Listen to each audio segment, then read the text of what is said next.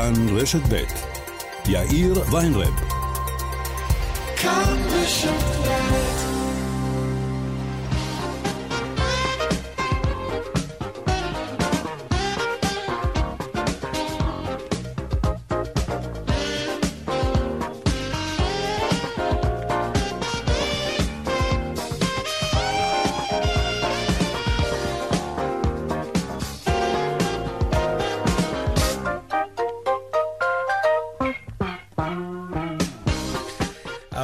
ועוד חמש דקות כאן צבע הכסף ברשת ב', יום שני, שלום רב לכם. ניסינו לראיין היום נציגים מרשתות בתי המלון הגדולות בארץ, כולם סירבו בנימוס. מוזר, עד לא מזמן, בתקופת הקורונה, הם התחננו שנעלה אותם לשידור כל יום, כי הם רצו ללחוץ על הממשלה שתאפשר למלונות להיפתח, לפעול. אי ירוק, כל מיני שיטות כאלה ואחרות. עכשיו, כשהם פתוחים ופועלים וגובים מחירים מטורפים על חופשות משפחתיות, הם מתנצלים בנימוס ואומרים... אנחנו עסוקים, לא יכולים להתראיין היום. אולי הם עוזרים לענות במוקדים הטלפונים שעובדים מסביב לשעון, כי לישראלים אין ברירה. והם משלמים את המחיר. וגם לא נעים כל כך להתמודד עם השאלה הכל כך מתבקשת, למה משפחה עם ארבע או חמש נפשות צריכה להוציא כמעט 30 אלף שקלים על ארבעה לילות באילת או בכל מקום אחר בארץ. ככה הכלכלה עובדת, הם מסבירים לנו אוף רקורד. כשהביקוש עולה, כך גם המחיר. זה נכון, הם צודקים, ככה זה בדיוק עובד. זה חוק בסיסי בכלכלה.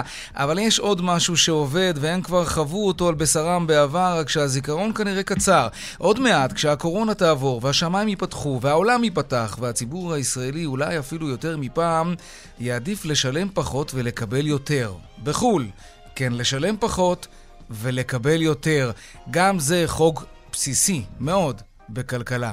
כאן צבע הכסף, העורך רונן פולק, המפיקה סמדר טל עובד, טכנאי השידור שלנו היום הוא חיים זקן, הדועל כסף כרוכית כאן.org.il. אני יאיר ויינרב, מעכשיו עד חמש, אנחנו מיד מתחילים.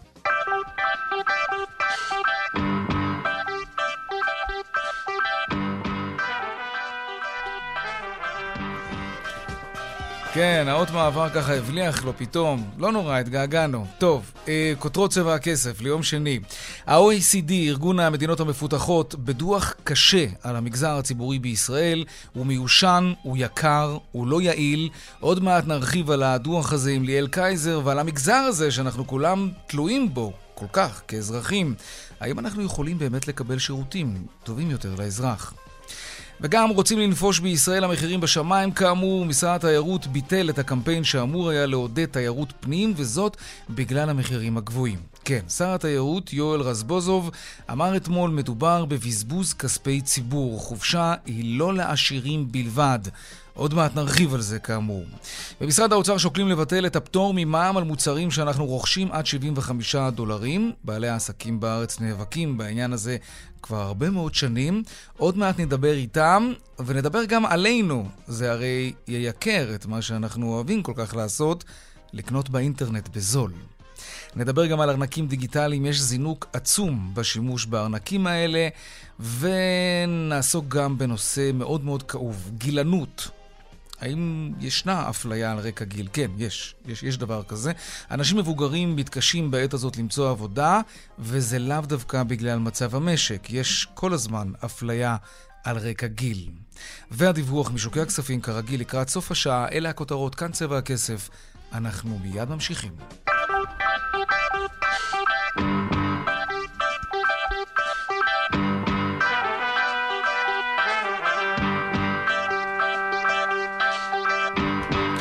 אז ה-OECD, ארגון המדינות המפותחות, כתב דוח על המגזר הציבורי בישראל, ואיך נגיד את זה בעדינות? טוב, נגיד את זה, כי כבר אמרנו את זה קודם.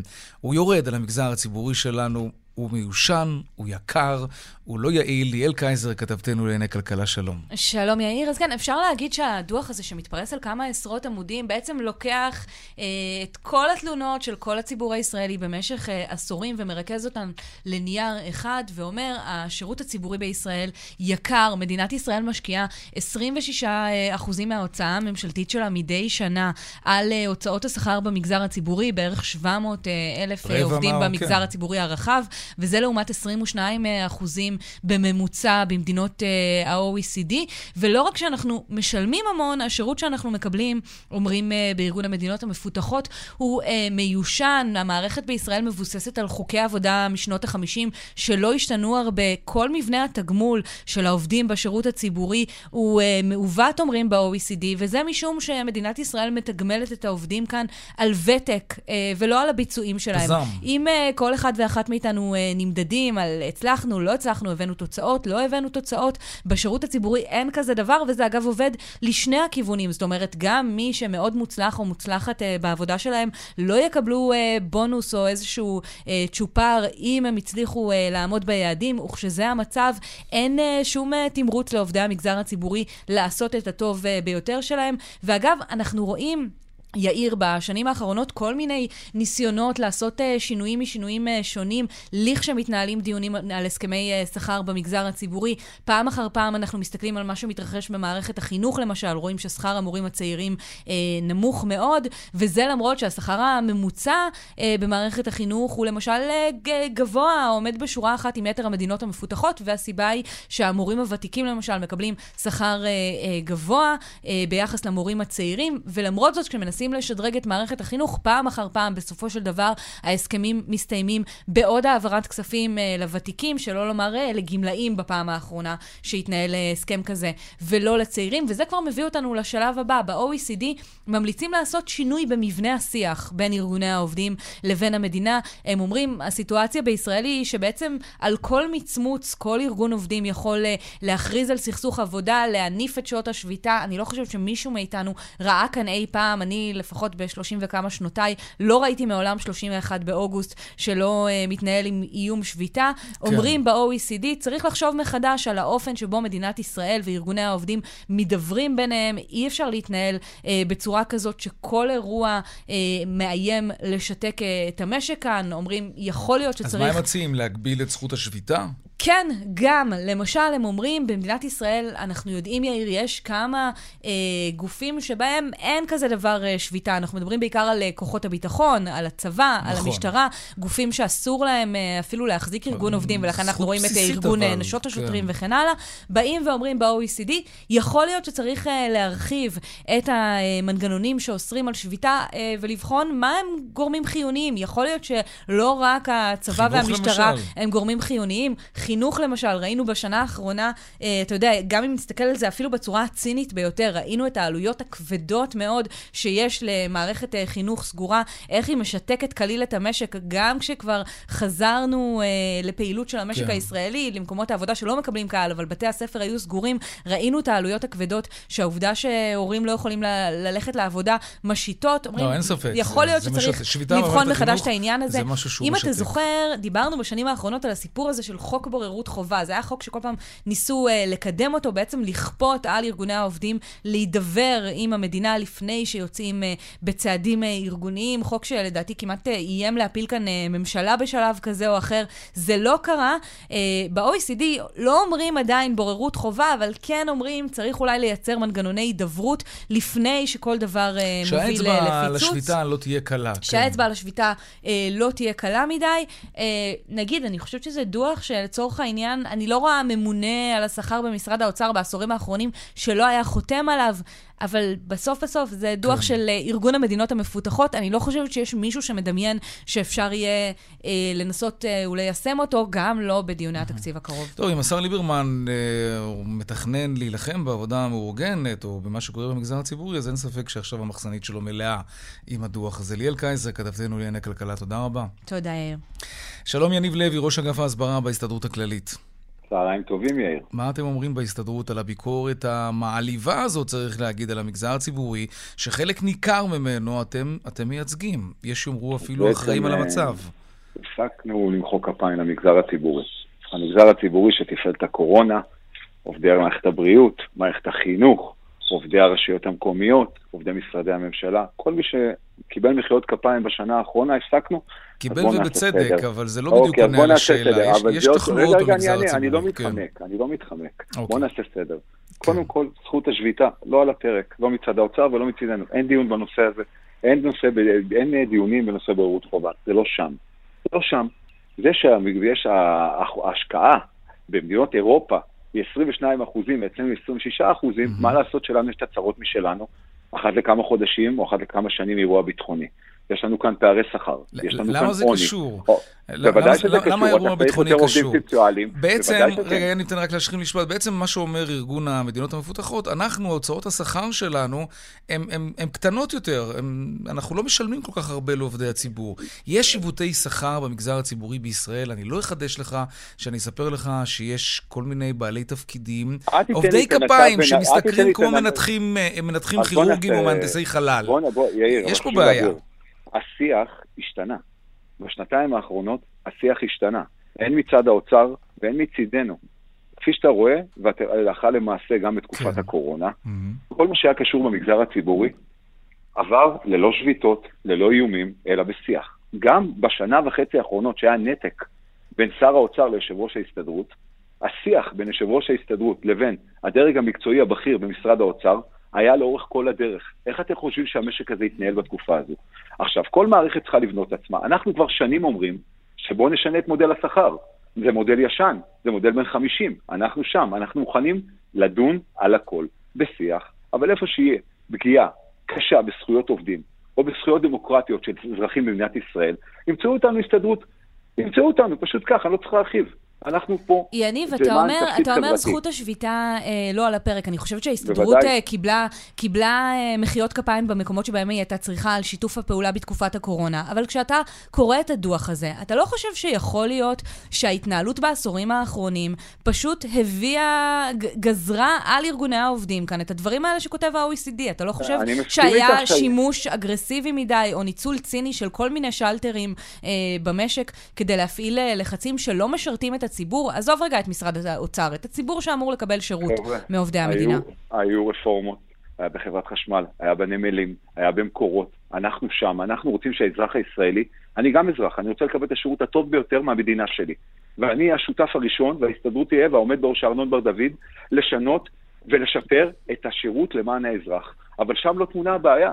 הבעיה שכל פעם מכפישים את המגזר הציבורי, בשעה שזה מגזר שפועל ועובד, ובואו נבדוק שם את ממוצע השכר של האנשים, ולא ניתן את הדוגמה של מקצוע כזה או אחר, של הרופא הבכיר או של הנתב. עכשיו, אנחנו, תסתכלו בעשור האחרון, האם המשק הישראלי שבת בעשור האחרון? הוא לא שבת. השביתה האחרונה הייתה ב-2012 לטובת עובדי קבלן, ולפני כמה שנים, בארבע שעות... ויניב, אתה לא חושב שחלק, שחלק מהארגונים שנמצאים תחת מטריית הגג של ההסתדרות מנצלים הרבה פעמים את הכוח שלהם כדי לדאוג לוותיקים ולגמלאים, ולא לעובדים הצעירים שהם הדם החדש שאנחנו רוצים אה, להזרים לשירות הציבורי? אני חושב שזה גם... זה גם אה, מה שאת מציגה, זה גם שייך לעבר. אם תסתכלו בשנים האחרונות, הפעם האחרונה שבה היה סכסוך עבודה משמעותי בין הסתדרות המורים כן. לבין אה, מדינת ישראל, הסתיימה בזה שניתנו תוספות שכר לגמלאים ולא למורים צעירים, אה, יניב. אני רוצה לומר לך שהסתדרות המורים, הם עומדים בפני עצמם, ואני מכבד את חברתנו יפה בן דוד. לא תמיד אנחנו מסכימים על הדרך, אנחנו חושבים שצריך לפעול בדרך ממלכתית. יפה עושה את שלה, היא מנהיגת עובדים ראויה, ואני מציע לשאול את השאלה אליה. גם אנחנו חושבים שקודם כל צריך שהאזרח יקום בבוקר ויהיה לו ודאות. ואתם צריכים להבין, יש שיח. המשק הישראלי צריך שיח, הוא צריך ודאות, ואנחנו שם. בשנתיים האחרונות בין הדרג המקצועי, ובחודש האחרון שיש שר אוצר חדש שמבין, יושב עם כולם. אתם שואלים אותי אם צריך לשפר? בוודאי שצריך לשפר אוקיי, אז בוא, בוא, בוא אני אשאל אותך אם, אם את זה למשל צריך לשפר. העובדה שאנשים, עובדים ותיקים מתוגמלים יותר מאשר עובדים טובים מהם, למרות שהם צעירים, מקובלת על ההסתדרות? כי יש משהו מאוד הגיוני שאומר, עובד טוב יותר, ישתכר יותר, ולא עובד ותיק יותר, ישתכר יותר. ז- זאת מהפכה של ממש, בתפיסה כמובן. זה משהו שההסתדרות תיתן לו יד. נפריד, בוא נפריד בין ותיק לחדש, כי גם חדש וגם ותיק יכולים להיות מצטיינים. זה קודם כל. ואנחנו שואפים למצוינות, ואני מצפה מכל עובד במגזר הציבורי ובמגזר הפרטי שישאף למצוינות. אם תבדוק את ההסכמים של השנים האחרונות, אם תבדוק אותם, תראה שכל הסכמי השכר עולים מלמטה כלפי מעלה. השתנה, הכל דיפרנציאלי. אנחנו בעד תיקון עיוותים, אנחנו בעד צמצומי פערים, אנחנו שם, אנחנו פועלים כל היום. אנחנו לא כל הזמן צועקים וזועקים, אבל אם ימצאו okay. אוקיי. אותנו על בריקדות, נהיה על בריקדות, יאיר, אנחנו לא מחפשים את המאבק. שביתה היא אמצעי ולא מטרה, אנחנו בכלל לא שם. יש שיח, יש שיח פורה בין האוצר לבין ההסתדרות. יש משק בקצה, כולנו רואים את המשק ונעשה הכל למען המשק, אבל גם נעמוד על זכויות העובדים. יניב לוי, ראש אגף ההסברה בהסתדרות, תודה רבה. תודה לכם. ליאל קייזר, תודה רבה. תודה. להתראות. טוב, אה, אנחנו לנושא הבא שלנו. מחירי בתי המלון אה, עלו בימים האחרונים בעשרות ולעיתים אפילו במאות אחוזים. בין היתר, ההכרזה של ראש הממשלה בנט שלא צריך לטוס אם לא חייבים, תרמה מאוד לביקושים בארץ וגם, פועל יוצא מזה, לעליית המחירים. עכשיו, אה, גם במלונות הכי יקרים, קשה למצוא מקום בקיץ. שלום שרון עידן, כתבנו לענייני תעופה ותיירות. שלום יאיר. כן, זה המצב, לצער הלב, אבל השאלה אם יש משהו שיכול לעצור את ערכאת המחירים. תראה, בסוף צריך לזכור שאנחנו מדברים כמובן על סוג של אה, שוק אה, חופשי, ולכן אה, כל מספר כמעט הייתי אומר זוכה. אגב, אם תנסה עכשיו, יאיר, למצוא חדר לבית מלון באילת כמעט לכל תאריך, בוודאי בסופי שבוע של נאמר הרשתות המובילות, פשוט אין, בשום מחיר. כלומר, גם המחירים שראינו בימים האחרונים, שהיו בחלקם באמת מחירים על גבול המופרכים כמעט הייתי אומר, אה, כבר לא קיימים, פשוט אין דרך כמעט למצוא מלון בשום אה, מחיר, אה, נקרא לזה אפילו אה, גבוה אה, בשלב הזה. גם בתל אביב, אם תסתכל למשל על סוף השבוע הבא במלונות 4-5 כוכבים, המחירים נעים אה, לעיתים לסוף שבוע עם שני ילדים בין 800 או 700 דולר ללילה ל-1,000-1,200 דולר ללילה, אלה מחירים באמת שיצאו לחלוטין משבוי משקל. וצריך לזכור שהם כנראה קורים לשני דברים. קודם כל, כמובן, הדברים של נפתלי בנט, שאמר אה, אה, ראש הממשלה, שאמר כבר בשבוע שעבר, אני ממליץ לכם לא לנסוע לחו"ל, תגלמו את כל המשמעויות של זה אם אתם מחליטים בכל זאת לנסוע. והדבר השני הוא באמת היעדר האלטרנטיבה גם בארץ. כלומר, אנחנו יודעים שהרבה מאוד בתי מלון כרגע כמעט הגיעו לתפיסה, לתפוסה מלאה, מוחלטת לחלוטין, ולכן בעצם המערכות הפנימיות שלהם פשוט מעיפות כלפי מעלה את המחירים, ויש מישהו מוכן לשלם. אתה יודע, שרון, כשאנחנו מסתכלים באמת על המחירים ב- ביוון, בקפריסין, או יעדים אחרים שאפשר לטוס אליהם, אנחנו רואים פערים עצומים בין, בין המחירים שגובים כאן בישראל לבין מה שגובים שם. השאלה היא, האם גם ביעדים האלה, לאזרחים המקומיים שם, המחירים גם טיפסו ככה למעלה? לא, לא, הם לא, לא, לא רק שהם לא טיפסו ככה למעלה, אנחנו, אנחנו הרי רואים גם מה קורה אה, מעבר לים. כלומר, אנחנו רואים את המחירים במקומות כמו יוון, קפריסין, מדינות שמאוד מאוד אה, קרובות אלינו. המחירים אמנם בחלק קטן מהמקרים קצת עלו, אבל כשאתה מדבר על עליות, בוא נאמר של 10%, 15%, אלה עליות שאפשר ונכון לחיות איתן. תראה, גם הענף הזה ספג מהלומה קשה מאוד בשנה וחצי, שנתיים האחרונות. זה נכון, אבל, אבל למה הם לא מתנהגים אותו דבר? כלומר, למה היווני לא חווה את מה שהישראלי חווה כשהוא רוצה להזמין נופש עכשיו באחד המלונות באיים? אז זה, זו שאלה מצוינת שצריך להפנות באמת אולי למלונאים ביוון, כי הסטנדרטים פה, לפחות ממה שאנחנו רואים אה, בשלב הזה, הם של אה, כל מחיר אה, זוכה, כמעט הייתי אומר באמת בעדינות, אבל של מחירים שהם פשוט חזיריים לחלוטין, ועובדה שכאשר אנחנו מבקשים, ואנחנו מבקשים ביום יומיים האחרונים לדבר גם עם איגוד המלונות, גם עם מנהלי הרשתות הגדולות, כן. למשל אה, דן, מבקשים לדבר עם ישרוטל, אף אחד לא מוכן להתראיין. עכשיו, אני מניח שהם יודעים למה הם לא מוכנים להתראיין. כן, גם אנחנו ניסינו.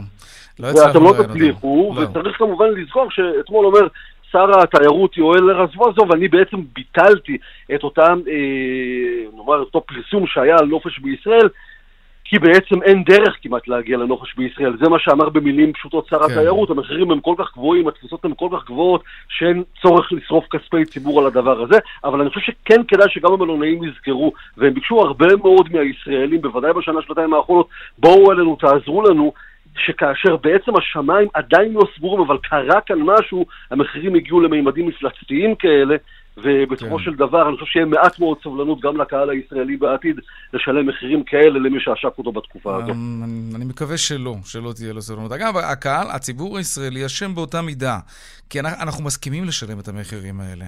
אם לא היינו מסכימים, כן, סוג של חיסון עדר נגד המחירים האלה, אז המלונות מטבע הדברים היו מורידים את נכון, המחירים. אבל, אבל זה לא, אין לנו את התרבות הזאת. אין לנו את התרבות הזאת, תודה לגמרי, כן. שחסרה מאוד בישראל. ויש מי שיש להם אה, הרבה כסף, וזה בסדר גמור, והם מוכנים לשלם כל מחיר, אבל אין ספק שהמחירים פה ברחו ויצאו לגמרי מפרופורציות. אגב, אני לא זוכר שום קונסטלציה שזה המריא לכאלה מחוזות. זאת אומרת, אנחנו יודעים שהיו תקופות שראינו בהן עליות, ראינו כן. גם בתקופת הקורונה, אבל מעולם זה לא הגיע למצב כזה שכשאתה אה, מרים טלפון למלון ארבעה כוכבים בקו שני באילת ומקבל תשובה של סדר גודל של כעשרת אלפים שקלים לשלושה לילות עם שני ילדים קטנים, ועוד עושים לך טובה כי כרגע אין חדר, ננסה לחפש לך, משהו פה לגמרי צריך בדק בית. שרון עידן, כתבנו לענייני תעופה ותיירות, תודה רבה. תודה. שלום, אושרי דרעי, מנכ"ל קבוצת אה, מלונות בראון, שלום לך. שלום, שלום, מה שלומך? אני בסדר. תראה, החלטנו להעלות אותך לשידור, כי בהודעה שפרסמתם, אתם אומרים, אה, ש... במילים כאלה או אחרות, אנחנו לא משתתפים בחגיגת המחירים הזאת, והאמת שרונן ואני ישר חשדנו שזה איזשהו ספין כדי לקבל פרסום. זה מה שזה, תגיד. בכנות, כי אנחנו כבר בודקים. היינו מאוד רוצים לקבל פרסום uh, בספין, אבל יותר מהכל היינו רוצים לקבל עבודה. אם, רוצים, אם אנחנו רוצים לקבל פרסום, זאת אומרת שאין לנו את העבודה ואת הביקוש שאתם מתארים, וזה המצב בתל אביב. המצב בתל אביב הוא שונה ממקומות אחרים, וגם בירושלים. Uh, המלונות שלנו, שהם uh, רובם מלונות בוטיק חמודים ויפים, שמציעים אחלה של שירות, באמצעי שבוע ריקים, ריקים לגמרי. והיו ריקים לגמרי במהלך חודשים רבים מאוד מאוד מאוד. ואז אני שמעתי על ההחלטה של, של שר התיירות ודי הופתעתי. לא, תראה, כמובן שר התיירות יש לו את השיקולים שלו ואני מניח שהוא עשה איזשהו בדק בית, אבל אני חושב שיש המון מלונות בישראל, גם בתל אביב, גם בירושלים, גם בצפון, שלא נהנים מאותו פלואו של עבודה שמתארים ולא לא נהנים מאותם מחירים. ונמצאים במחירים נמוכים מאוד ואטרקטיביים מאוד ומשווים לעבודה. אוקיי, בוא נדבר על המחירים. תן לנו דוגמאות למלונות, על המיקום שלהם וכמובן למחיר ללילה. אז אני אגיד לך, לנו יש מלונות שנמצאים במרכז תל אביב, חלקם נמצאים ממש על הים או קו שני לים, כן. שזה מיקום מעולה, ואנחנו עכשיו יוצאים עם קמפיין לאמצע השבוע של הקיץ, לאמצעי השבוע של הקיץ, כיוון שאמצעי השבוע אצלנו לא מלאים. במחירים של החל מ-390 ש"ח ללילה. אני חושב שזה, לזוג, זה אחלה מחיר, זה רחוק כל כך ממה שתיארתם, ואותו כנ"ל גם בירושלים. 350 לא שקלים ללילה, לזוג. 390, 390. תראה, אני כן. פותח עכשיו את האתר שלכם, אני לא רואה סביבת מחירים כזאת. אני רואה... אתה תראה, אנחנו עולים עם קמפיין 1,000, 1,200, 1,800, 1,100. איפה, איפה? זה תלוי איפה, תראה. יש כמובן מלונות שלנו, שהם מלונות של 30 חדרים, קטנים מאוד, ואם כן. הם מלאים, אז סביר מאוד להניח שהמחיר שלהם עולה. כן.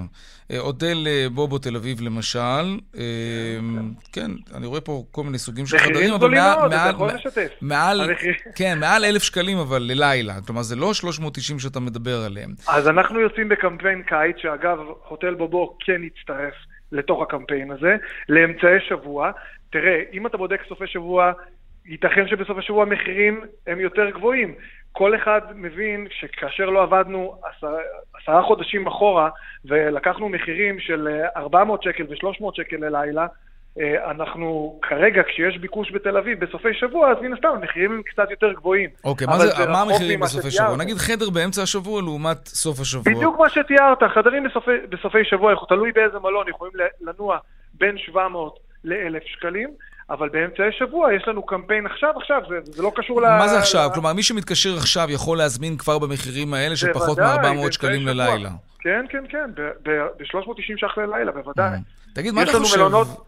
מה אתה חושב על העמיתים שלך באילת, למשל, אה, או בכל מקום אחר שהמחירים שם הרקיעו ככה לחלל? אני לא, קודם כל לא בדקתי את המחירים שלהם, אני מבין שהמחירים באילת הם גבוהים ותמיד הם היו גבוהים בקיץ. אה, להפעיל מלונות בישראל זה יקר יותר ממקורות אחרים, ואני שוב פעם חוזר ואומר, מחיר הוא אה, תוצאה של ביקוש מן הסתם.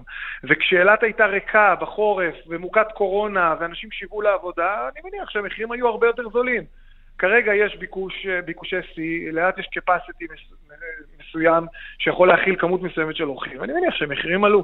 לא בדקתי את המחירים, אז אני לא רוצה להתייחס עכשיו לגופו של כל מלון, אבל אני מניח שמחירים באילת הם יקרים בקיץ. אגב, גם ביוון המחירים בריזורטים יקרים בקיץ, וריזורטים של הכל כלול וכולי. אנחנו יודעים את זה כי אנחנו מנהלים גם מלונות ביוון. אה, אה, אנחנו מנהלים אמנם סיטי הוטלס ביוון, ששם המחירים הם גם כן, שוב פעם, בדיוק אותו דבר כמו בתל אביב, מחירים. זולים ואטרקטיביים מאוד. אושרי דרעי, מנכ"ל קבוצת מלונות בראון, תודה רבה. שמחתי לקרוא, כל טוב. כל טוב גם לך. טוב, מה קורה בענף הצימרים? שלום אילנה אלוני, מנכ"לית אה, אתר ההזמנות נופש צימרלנד. כן, שלום. רגע, קצת נעלמת לנו, אילנה? אה, הנה, עכשיו אנחנו שומעים טוב. כן. בסדר? שומעים אותי טוב? כן, איפה את נמצאת? אני נמצאת בצפון. איפה בצפון? במושב חוסן. אה. בגליל המערבי. כן, כן. טוב. מה מצב המחירים אצלכם? יש לכם צימרים, אגב, בחושן? יש לנו, כן, יש לנו קרוב ל-120 חדרים כאן במושב חוסן. חוסן, כן. אה, וכמה עולה צימר במושב? תראה, אה, האתר שלנו קודם כל מפרסם אה, צימרים בכל הארץ. כן. צימרים ווילות בכל הארץ. אפשר לומר שיש מנעד מאוד רחב. צימרים זה בכלל, ווילות זה נופש אחר והוא שונה לחלוטין ממה שאנחנו רואים בבתי מלון של הכל כלול. אה, נופש בצימר תלוי איזה נופש אנחנו רוצים. אם אנחנו רוצים נופש, שאנחנו רוצים אה, אה, לצאת למסעדות, לטייל, טיול נופש באזור, אז אנחנו יכולים לקחת צימר ב-400, ב-500 שקלים ללילה, להניח את הדברים ולצאת לטייל. אם אנחנו רוצים אה, לבלות קצת עם הילדים, אז יש גם צימרים, אה, היום בדקתי, בגולן, ביישוב חדנס, עם שלוש בקתות, כל בקתה ללילה, 750 שקלים, זוג פלוס שני ילדים, 750 שקלים ללילה, אם אנחנו לוקחים את זה אה, אה, אה, שני לילות, אז זה אלף, אה, תעשה את החשבון. מה שכן יפה בצימרים שלא בבתי מלון, זה שאפשר גם קצת להתמקח ולדבר עם בעל המתחם. לילה שלישי הוא יכול אה, לפנק אותך במחיר mm-hmm. אה, אה, יותר טוב, אפשר פה אה, אה, לצאת בחופש, עם חופש הרבה הרבה יותר... יש עם מי לדבר, בקיצור. תגידי, אבל אני, אני רוצה לשאול אותך, אה, גם את, המחירים שאת נוקבת בהם עכשיו, זה מחירים שככה טיפסו עכשיו בגלל הביקושים הנדירים שיש בארץ לנופש? כי אי אפשר לטוס וכולי? בוא נגיד ככה, במתחמי הנופש, בנופש הכפרי בעיקר, אז כמובן שהיו כאלה שהעלו את המחיר בגלל הביקוש. ויש המון המון מתחמי נופש שנשארו עם אותם מחירים. עם אותם מחירים, אבל מה שכן שונה, הייתי אומרת, השנה זה, בעקבות הקורונה, זה שלוקחים אה, את המתחם, נגיד ליולי-אוגוסט, אז מתחמי הנופש מעדיפים להשכיר את הבקתות, אם יש ארבעה בקתות, מעדיפים לקחת את זה למשפחה גרעינית, לזוגות, עם, זאת אומרת למשפחה אה, מורחבת. אני מדברת על mm-hmm. זוגות שכל אחד רוצה את ה... את ה... ואז יש את, ה... את החלק המשותף, את הבריכה המשותפת, את הפרטיות המשותפת. כן, זה נחמד. זה, זה העניין, כן, זה נורא okay. אוקיי. נחמד. זה מה שבאמת מתחמי הנופש יותר מתעקשים, אה, נגיד ביולי-אוגוסט, בגלל הביקוש. בגלל בוא. שיש ביקוש, אז הם אומרים, אוקיי, בואו אנחנו נזכיר את כל המתחם. וזה גם משהו שנובע, הצורך של הנופשים היום, זה לקחת ולא להתערבב עם כל האנשים ביחד, ואז הם לוקחים מתחם נופש, בריכה לבד. כן, ואז יש להם את הפרטיות. אגב, כן. הסתכלנו קצת באמת באתר שלכם, וראינו פחות או יותר את סביבת המחירים שאת מציינת, אה, אלף שקלים ללילה וכולי, אבל באותיות הקטנות אה, אנחנו רואים שזה לא כולל קיץ, אז מה זה רלוונטי לעכשיו? וגם לא אני... כולל חגים. אז את יודעת, אז אני אגיד קצת שוב. קצת מתעתע. כן. תראה, בגדול, אוגוסט זה, זה חודש שגם אם השמיים סגורים או פתוחים, תמיד הצימרים היו בתפוסה מלאה. זה לא משנה בכלל עם אה, אה, המצב. תפוסה מלאה וגם המחירים.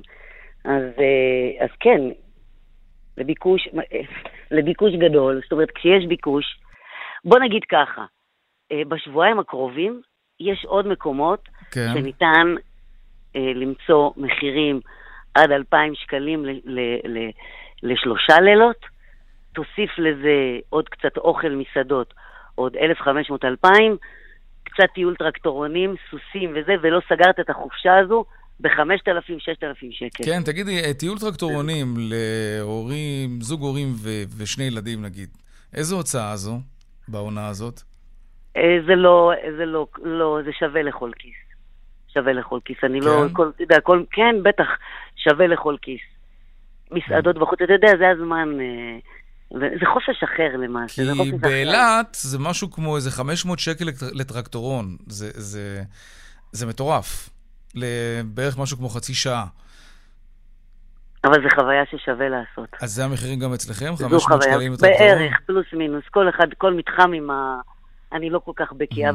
במחירים של הטרקטורונים, אז אני לא יכולה להגיד. אז בשונה מהמלונות, שמלונות בדרך כלל כן מוכרים, ותמיד אפשר למצוא מישהו שהיה במלון הזה, ויכול כמובן לתאר פה, אנחנו די תלויים בחוכמת ההמונים, או יותר נכון בתגובות שיש באתר. עד כמה התגובות שכתובות שם הן תגובות שאפשר, בכנות תעני לנו, להאמין להן. האם אתם מסננים תגובות לא טובות גם?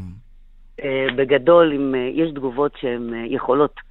קודם כל, התגובות הלא טובות מגיעות ישירות לבעל המתחם הנופש, תראה מה כתבו כן, עליך. כן, אבל זה אמור להגיע גם לציבור, כדי שידע. נכון, נכון, אתה צודק. לא תמיד. לא תמיד מגיע? לא תמיד. למה? לא תמיד, זה מגיע מיד. מכיוון... זה לא טוב מה כן, שאת אומרת, זה בעייתי. אתה צודק, אתה צודק. לכן, אני היום...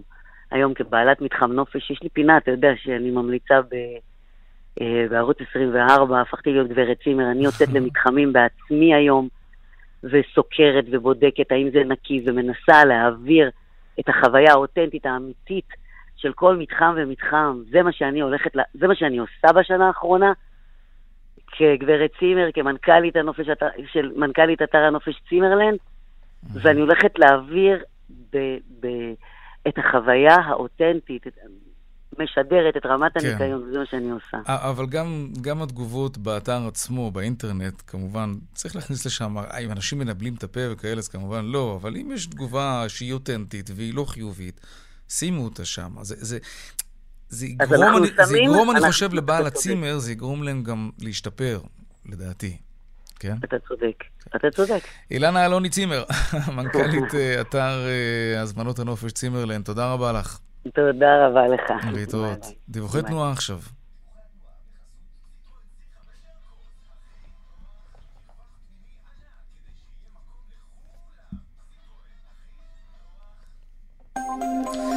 איילון צפונה, אה, יש שם עומס ממחלף חולון וקיבוץ גלויות עד גלילות ולכיוון דרום ממחלף רוקח עד לגוארדיה. בגאה צפונה עמוס ממחלף חולון מזרח לכיוון מחלף אלוף שדה בגלל תאונת דרכים, סעו בזהירות. בגאה דרום עמוס ממורשה עד גבעת שמואל. עדכוני תנועה נוספים בכאן מוקד התנועה, כוכבי 9550 ובאתר שלנו, אתר התאגיד, אתר כאן. הפסקת פרסומות קצרה, ומיד אנחנו חוזרים עם עוד צבע הכסף. מדבר על כך שבמשרד האוצר שוקלים לבטל את הפטור ממע"מ על מה שאנחנו קונים באינטרנט עד 75 דולר. בעלי העסקים בארץ מרוצים, אנחנו הצרכנים צריכים להיות פחות מרוצים מזה. מיד חוזרים. 39 דקות אחרי השעה 4, אם יש משהו שבעלי העסקים בארץ נלחמים בו בכל הכוח בשנים האחרונות, זה הפטור ממע"מ שניתן למי שמזמין באינטרנט בחו"ל, הם, אתרים מחו"ל. הם דורשים שנים שגם הלקוחות שלהם כאן בארץ ייהנו מפטור כזה על מוצרים של עד 75 דולר, או לחילופין שיבטלו את הפטור באתרים מחו"ל. שלום שחר תורג'מן, יושב ראש התאגדות רשתות המסחר האופנה באיגוד לשכות המסחר, שלום לך. צהריים טובים. חיכיתם לזה הרבה מאוד זמן, עכשיו באוצר שוקלים באמת לבטל את הפטור הזה למי נכון. שרוכש מאתרים בחוץ לארץ. נכון, חיכינו לזה המון כן. זמן, כי מדובר בעיוות נוראי. אפליה מחרידה שעושים כנגד אה, אנשי עסקים, עסקים קטנים, בינוניים וגדולים כאחד. אני שואל את הציבור של המאזינים שלכם, שאלה הגיונית, האם זה נראה למישהו מהמאזינים, התהליך הזה, שאתה, שהמאזין רוצה לרכוש מותג, אצלי במקרה יש נאוטיקה, את טימברלנד, רוצה לקנות חולצת, חולצה של נאוטיקה, הוא ייכנס לאתר סחר בחו"ל, יוכל לרכוש, ואם הוא ייכנס לא, לא, לאתר סחר בישראל וירצה לקנות את אותו פריט, הוא יקבל קנס של 17%, כי המדינה מעמיסה מע"מ על אותו מוצר באתר סחר ישראלי 17% מע"מ, ופוטרת את, ה, את הלקוח מהמע"מ כשהוא לך, קונה בחו"ל. אני אגיד לך משהו. קודם כל, אני, אני מסכים איתך, יש פה באמת עניין, יש פה נקודת פתיחה שהיא לא שוויונית, זה נכון. יחד עם זאת, כמו הרבה מאוד תחומים בארץ, כשאתה משווה אותם למה שקורה בחו"ל, אתה לפעמים רואה שהפער במחיר שגובים ממך בארץ זה לא המע"מ, זה הרבה מעבר לזה. ואז יש כעס כזה של הציבור, ששמח לקנות באינטרנט בזול, גם לא לשלם מע"מ, וגם אובייקטיבית לשלם פחות. אז אני איתך ואני עם הציבור, גם אני רוצה לקנות בזול. בחו"ל אם זה מתאפשר. ואם יש, ואם יש פער, והוא פער הוגן, זאת אומרת, הוא לא פער שנולד, שהוא נולד כתוצאה מאפליה מתקנת, מאפליה כן. מקוממת, סליחה, שפותרים ממע"מ. אם יש פער, זאת אומרת, אם הפער הוא תחרות הוגנת, ויש מוצר שאני מוכר פה ביוקר כי אני, לא יודע, כי אני רוצה להרוויח יותר על הגב של הציבור חלילה, ואותו פריט נמכר באירופה בזול, קדימה, שהציבור יקנה את אותו, אותו פריט באירופה בזול, אבל לא הגיוני שמדינת ישראל תגיד לציבור, תשמעו, ציבור יקר, אני אעשה לכם שלא יהיה כדאי לכם לקנות את המוצרים בארץ, ואני אדאג ואשלח אתכם ואעודד אתכם לקנות בחו"ל. אני אדאג שהצמיחה תהיה בחברות, בחברות בחו"ל, שמקומות העבודה שיבצעו יהיו בחו"ל, שקל אחד לא יישאר בארץ, וזה כאילו, אתה יודע, כל מי ששומע אותנו בחו"ל, מגחך, כאילו, זה, הם לא מכירים את הציפורי חלם, אבל זה, הם מבינים שזה חלם, שמדינה במו ידיה מעודדת את הציבור, אזרחיה, לקנות בחו"ל ולא בארץ. אז איך, זה איך, איך בכל זאת שרדתם? איך מכרת את המותגים שלך כשבאמת אה, בהקלקה אחת הייתי קונה אותו רגע, דבר ב- בוא, בוא, בוא בזול יותר. אם אתה רוצה לחפש את הסיבה האמיתית, כן. ללמה הסחר האלקטרוני בארץ היה בנחיתות מול אה, למה אתרי סחר כמעט לא היו קיימים עד 2018, כן. ולך דרומה? זה בגלל שהייתה העדפה מתקנת לאתרים בחו"ל. זאת אומרת, אתר קטן, למה דומה הדבר? בואו נעשה תחרות 100 מטר עם יוסיין בולט, וליוסיין בולט ניתן יתרון של 17 מטר. במאה מטר. זו התחרות שאנחנו היינו מצויים בתוכה, תחרות מעוותת שבחסות המדינה. אנחנו בעד תחרות חופשית. אני בעד תחרות חופשית. אם אני מוכר לציבור בישראל ביוקר, שהציבור ידע להצביע ברגליים, שלא לומר להצביע בידיים, ויקנה כן. באתרי סחר בינלאומיים בזול. אבל תראה... אבל אל, אל, אבל אל תיצרו פער מלאכותי, יש פה פער מלאכותי שהמדינה. אוקיי, אבל יכול להיות שהוא באמת ייסגר. אבל בואו נדבר רגע לגופו של עניין. בכל כן. זאת שרדתם, רשתות המסחר לא קרסו, וגם מי שמוכר מותגים כמוך הצליח להמשיך ולמכור. אבל יכול להיות שהתחרות הזאת הלא הוגנת, אוקיי, אני, אני, אני זורם איתך בעניין הזה, אולי הפכה אתכם לתחרותיים יותר, לזולים יותר, ליעילים אנחנו, יותר, וזה עשה לכם משהו טוב. וואו. וגם לצרכן עשה משהו טוב בסופו של דבר. באיזה זירת, אנחנו, אנחנו, הענף שלנו, ענף האופנה למשל, לדוגמה, mm-hmm. הוא כל כך תחרותי בארץ, באמת. הוא תחרותי בעוצמות שאני לא מכיר אותן באירופה. באירופה.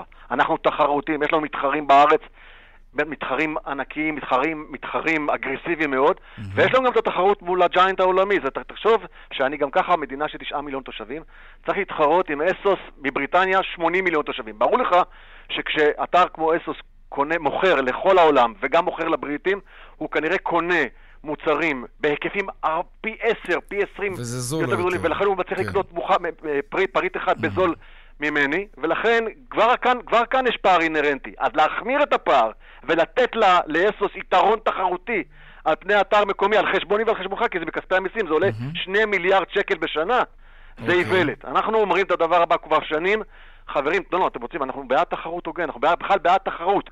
בדרך כלל, אבל שיהיה הוגן. מדינות... אתה מבטיח שלא תעלו מחירים? כלומר, אם הפטור הזה יתבטל, לא, לא כן. תנצלו את זה כדי להעלות מחירים? אם הפטור יתבטל, תהיה, תהיה סמוך ובטוח שלקוח ישראלי שיודע מה זה e-commerce, תמיד יעיף מבט, יש לו את הקלות הבלתי נסבלת של להשוות, הוא יוכל להשוות את עלות הפריט פה אצלי מול כן. עלות הפריט בחו"ל, ואם אני לא תחרותי, אז הוא יעדיף את השחקן הבינלאומי. אבל נקודת הפתיחה תחרותי... תהיה זהה, אתה אומר. סליחה? אבל נקודת הפתיחה תהיה נקוד... זהה. לפחות נקודת הפתיחה תהיה זהה. אוקיי. כרגע, אני ואתה, מכספי המיסים, מממנים את, הר... את הרכישות באתרים בינלאומיים בשני מיליארד שקל בשנה. טוב, בוא נראה אם זה אכן מתבטל ונעקוב אחרי הסיפור הזה. שחר תורג'מן, יושב ראש התאגדות רשתות המסחר והאופנה באיגוד אה, לשכות המסחר, תודה רבה לך על השיחה הזאת. תודה לכם. להתראות. עכשיו נדבר על ענקים דיגיטליים, נכנסו חזק מאוד. אה, לפי נתונים של חברת שווה, שמנהלת את מערכת התשלומים הלאומית בכרטיסי האשראי, מדובר בזינוק של 8% בחודש שעבר. שלום דן סופר, מנכ"ל השווקים הישירים בווריפון העולמית, שלום לך. שלום. זה מאז שאפל פיי נכנס? זה מה שנתן את הבוסט, את הדחיפה הזאת? אה, כן, לגמרי. אה, אנחנו, דרך אגב, זה לא איזה משהו מפתיע, כי אנחנו רואים את זה כמעט בכל אה, מדינה שאפל פיי נכנסה אליה. למשל, הברית, לפני שאפל פיי נכנסה, כמעט ולא היו עסקאות contactless, או איך שקוראים להם פה וי-פיי. אבל מהרגע שאפל פיי נכנסה, פתאום באמת זה נעשה שימוש הרבה יותר רווח. אחר כך גם ראינו את הקפיצה הזאת גם במכשירי האנדרואיד, ובכלל בכרטיסים ללא מגע. כן, טוב. תגיד, על מי זה משפיע? מי מרוויח, מי מפסיד משיטת התשלום בארנקים הדיגיטליים? כי מבחינת הצרכן זה רק עניין של נוחות, נכון? מה מבחינת העסקים וחברות האשראי? מה זה עושה להם כשהשימוש בארנקים הדיגיטליים מתרחב? אז קודם כל, מבחינת אה, באמת הלקוחות, זה באמת אה, ממשק יותר ידידותי, אה, ובאמת אה, מונע, חוסך את הצורך אה, כן, כן, זה נוח ומגניב. וגם מגניב. ומגניב, כן. בדיוק. רק אני רציתי להגיד שזה בעצם רק ההתחלה, שזה רק תשלום, אבל בסופו של דבר אמ, אמורים להיות גם שירותי ערך מוסף גם לצרכן, כרגע זה באמת אה, מסתכם בתשלום. לגבי בתי העסק זה אמור להיות שקוף להם. מי שבעצם משלם על ה... לאפל זה, ה... זה בעצם המנפיקים. הם, הם אלה שמשלמים את החלק מה... מהרווחים מי? שלהם. חברות האשראי? חברות האשראי, בארץ המנפיקים הם חברות האשראי, כן. אבל okay. זה גם אוקיי. בנקים, זה לא רק חברות האשראי, כי גם uh, הבנקים הם מנפיקים בארץ, והם גם, כל, כל כרטיס שבעצם מונפק על ידי אחד המנפיקים בישראל שעושים בו שימוש באפל פיי, בעצם מייצר תשלום בין המנפיק לבין אפל. יש אפליקציה דומה של מאסטר קארד לדעתי, שעובדת על אנדרואיד. אנחנו רואים גידול גם שם, או שזה ממש, אתה יודע, מין מונופול של אפל פיי, שם בעיקר קונים? אז קודם כל, עד שאפל פיי נכנסה, זה בעצם, זה לא רק מאסטר קארד, יש לכל חברות האשראי אפליקציות שמאפשרות תשלום ב-tap כבר... אבל זה לא היה כל כך רווח, משום מה... זה לא רווח, בדיוק. עכשיו, מהרגע שאפל פיי נכנסו, ופתאום ראו גם uh, בעלי uh, מכשירי אנדרואיד, היי, uh, מה קורה איתנו, למה אנחנו יכולים לעשות שימוש, ואז הם גילו שהם יכולים, פשוט באפליקציות אחרות, ואז כן. גם באמת ראינו קפיצה גם, ב... גם בשימוש במכשירי אנדרואיד. כן, בדיוק. מעניין. דן סופר, מנכ"ל השווקים הישירים בווריפון העולמי, תודה רבה לך. תודה, בשמחה. להתראות. עוד דיווחי תנועה.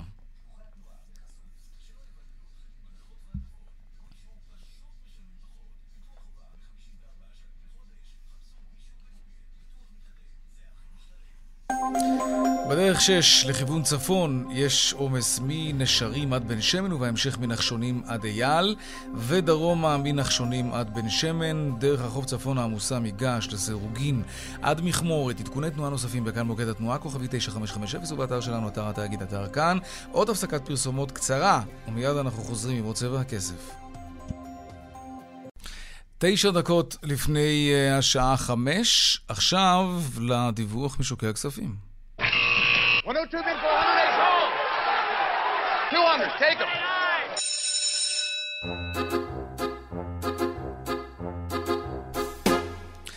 שלום רואה החשבון אמיר אייל, יושב ראש קבוצת ההשקעות אינפיניטי. אחר הצהריים טובים, יאיר. מה שלומך? מה שלום השווקים?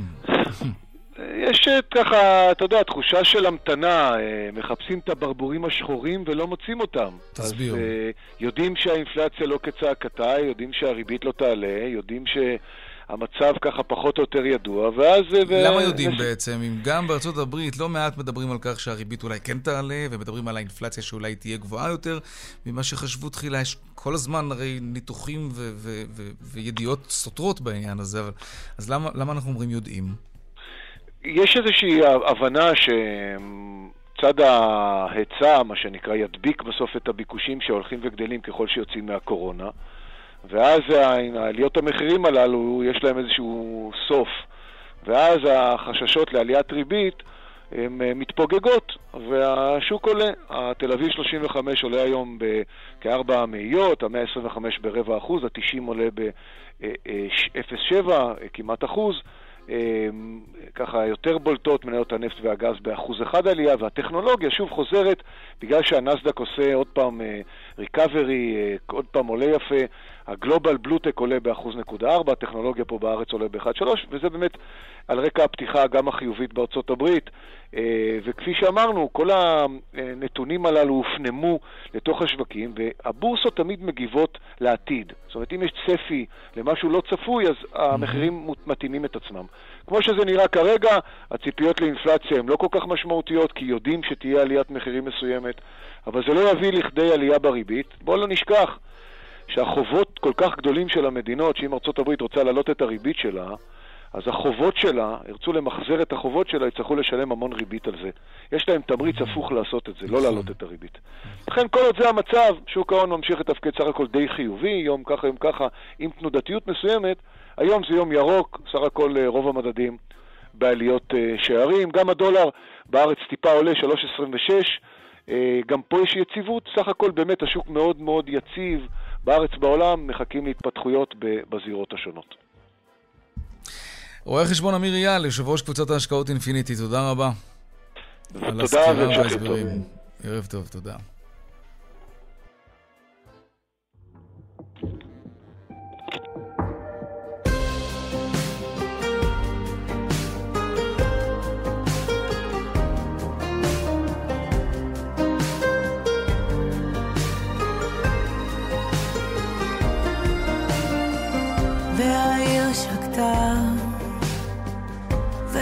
השמיים התכסו בלטה עד התהום. זו כמעט הייתה שעת בין הארבעים של חיי, אבל אז...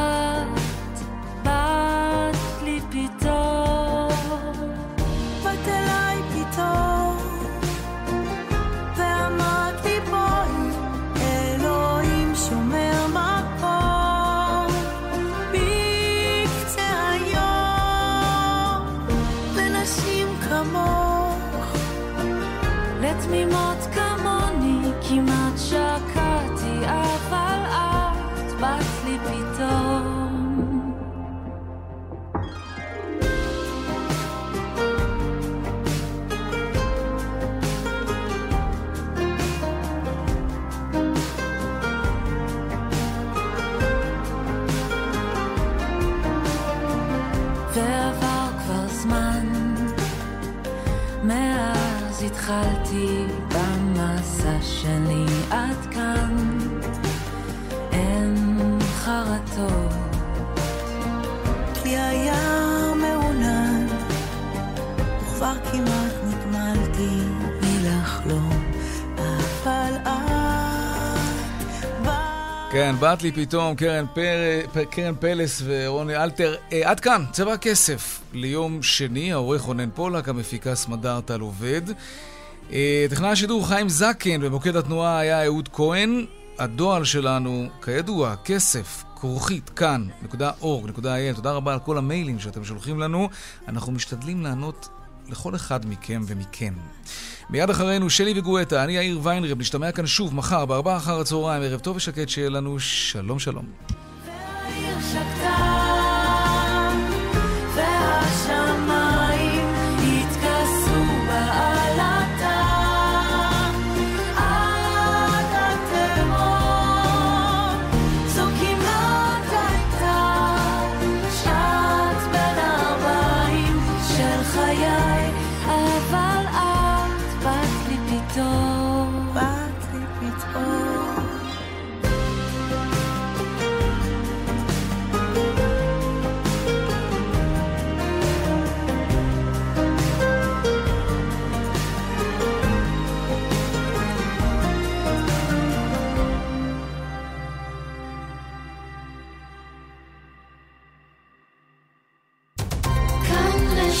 back.